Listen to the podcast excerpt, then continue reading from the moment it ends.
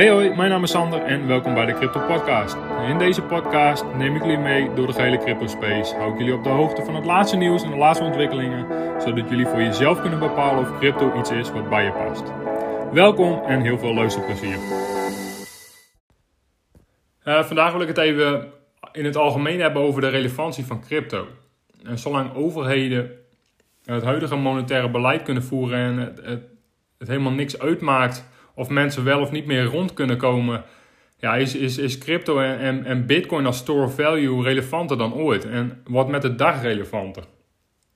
En letterlijk in een jaar is, is voor sommige mensen het leven onbetaalbaar geworden. En niet om, absoluut niet om te zeggen, ik, ik zei het toch, maar deze inflatie is niet tijdelijk. En als je kijkt wat er de afgelopen, afgelopen twee jaar is gebeurd met ons monetaire uh, systeem en met het, wat, met het monetaire beleid wat gevoerd wordt, dat is, nou, het is echt om te janken. En um, ja, als ineens in een jaar uh, je leven onbetaalbaar is geworden door uh, torenhoge huizenprijzen. Dus voor starters is het gewoon niet te doen om, om, om normaal een woning te kunnen uh, te kopen. En dat, dat is toch wel een beetje. Ja, wat dat, dat is wel een beetje ons huisje, boompje, beestje verhaal. Weet je, uiteindelijk, als je. Uiteindelijk heb je in Nederland gewoon een mogelijkheid om, om, om, om je eigen stukje vastgoed aan te kopen. Dus, iets, iets wat van jou is. En dat, dat ja, is voor heel veel mensen nu gewoon onbereikbaar geworden. Uh, daaroverheen de benzineprijzen die uh, krankzinnig hoog zijn. Daaroverheen de gasprijzen die, die voor, voor sommige mensen gewoon verdubbeld zijn. Um, ja, is dat, is dat. Baat dat zorgen voor de toekomst? Absoluut. Want overheden kunnen gewoon ja, dit beleid voeren. Grote bedrijven kunnen gewoon dit beleid voeren over de rug van, van, van hardwerkende mensen. Eigenlijk de ruggengraat van deze samenleving.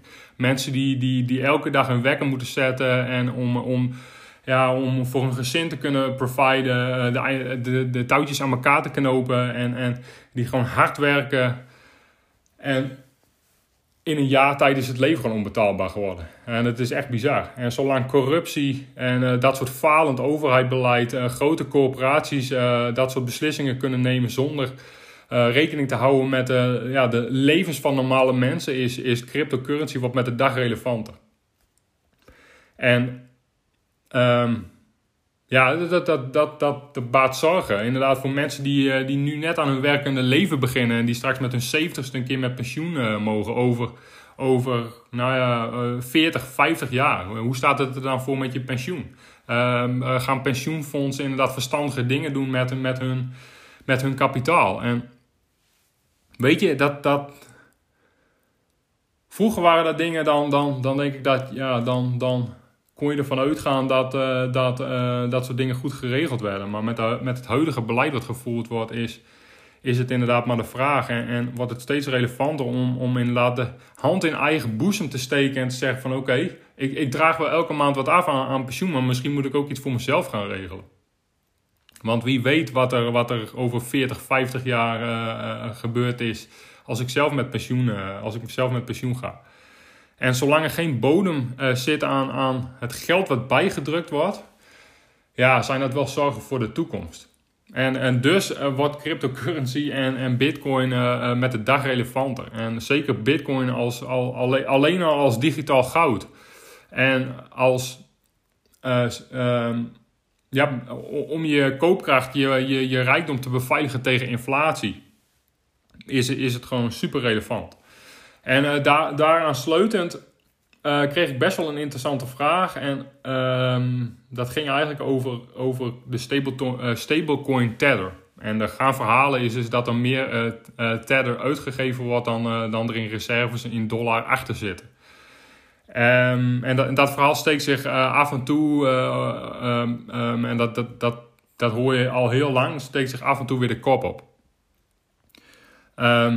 zelf, en er zijn zelfs mensen die zeggen dat dat uiteindelijk uh, het einde is van crypto en een enorme crash in crypto gaat veroorzaken en allerlei van dat soort spookverhalen. zelf ben ik niet een enorm fan van Tether en gebruik ik liever USDC Tenminste, als ik een stablecoin gebruik. En het is best plausibel om aan te nemen dat een aantal dingen bij Tether niet helemaal goed gaan. Absoluut. Um, um, nogmaals, daarom ben ik zelf ook niet een fan van Tether.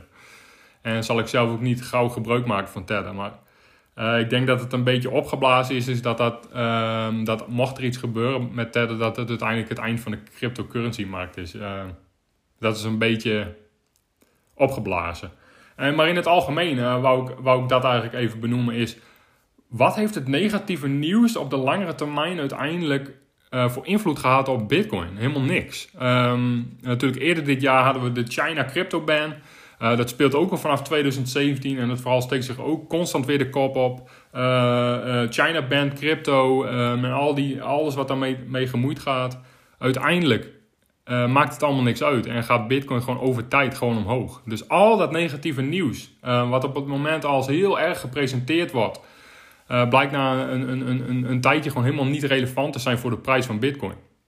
En Bitcoin is gewoon Bitcoin en Bitcoin beweegt in cyclies en natuurlijk uh, uh, volatiel en gaat het soms uh, heel hard omhoog, heel hard naar beneden. Maar als je uitzoomt, gaat Bitcoin gewoon eigenlijk heel gestaag omhoog. En dat is super logisch, omdat steeds meer mensen de relevantie van Bitcoin gaan inzien en steeds meer de pijn gaan voelen van het blijven zitten in euro's en dollars en inflatie. En met name voor grote bedrijven zijn ze uiteindelijk wel haast moeten ze haast wel investeren in Bitcoin. Wil je over 5 tot 10 jaar nog relevant zijn met je bedrijf en zit jij op grote hoeveelheden cash, dan, dan moet je daar iets tegenover zetten wat nou in ieder geval de inflatie voorblijft. Dus uh, hoe groter de marktwaarde van Bitcoin gaat worden, hoe relevanter Bitcoin gaat worden voor bedrijven.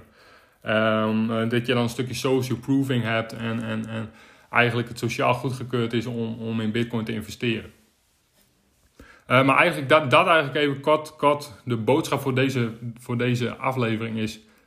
Wat heeft uiteindelijk al dat negatieve nieuws uh, voor invloed gehad op crypto en op bitcoin? En uh, China heeft inderdaad heel veel miners uit het land geweerd, heeft regulaties in stelling gebracht. Uiteindelijk heeft het allemaal helemaal geen invloed gehad op bitcoin.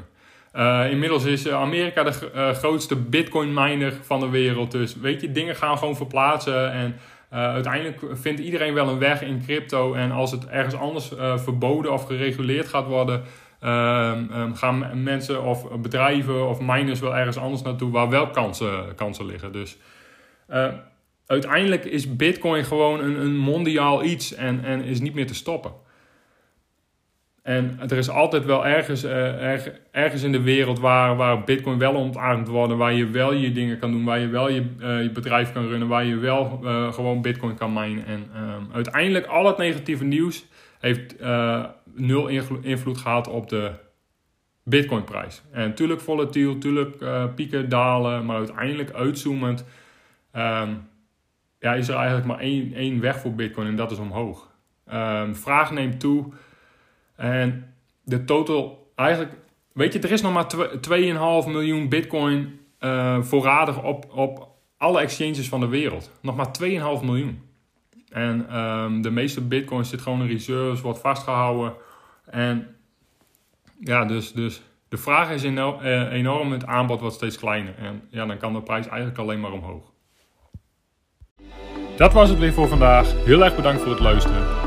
Heb je vragen of suggesties? Stel ze op mijn Instagram, sander inner workout. En tot de volgende keer.